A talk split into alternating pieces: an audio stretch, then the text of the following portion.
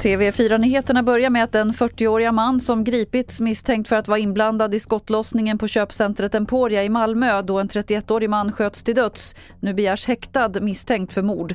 Det skriver Åklagarmyndigheten i ett pressmeddelande. Sen tidigare sitter en 15-årig pojke häktad misstänkt för samma mord samt för mordförsök på en kvinna.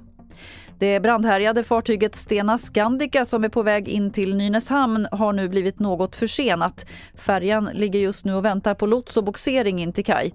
Prognosen är att de passagerare som är kvar ombord ska kunna komma i land före klockan 11. Det är akut brist på taxiförare i Sverige och på vissa håll beskrivs läget som extremt. Taxiförbundet har gjort en undersökning åt oss där 85% av taxiföretagen svarat och den visar att det saknas runt 7 000 förare för att klara alla körningar. På sina håll är läget så svårt att det talas om taxidöd.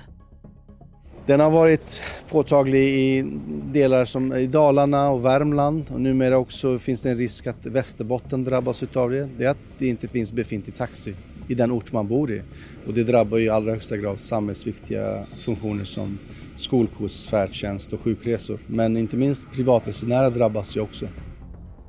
Det sa Baver Koskun som är vd på Taxiförbundet. Fler nyheter finns på tv4.se. Jag heter Lotta Wall.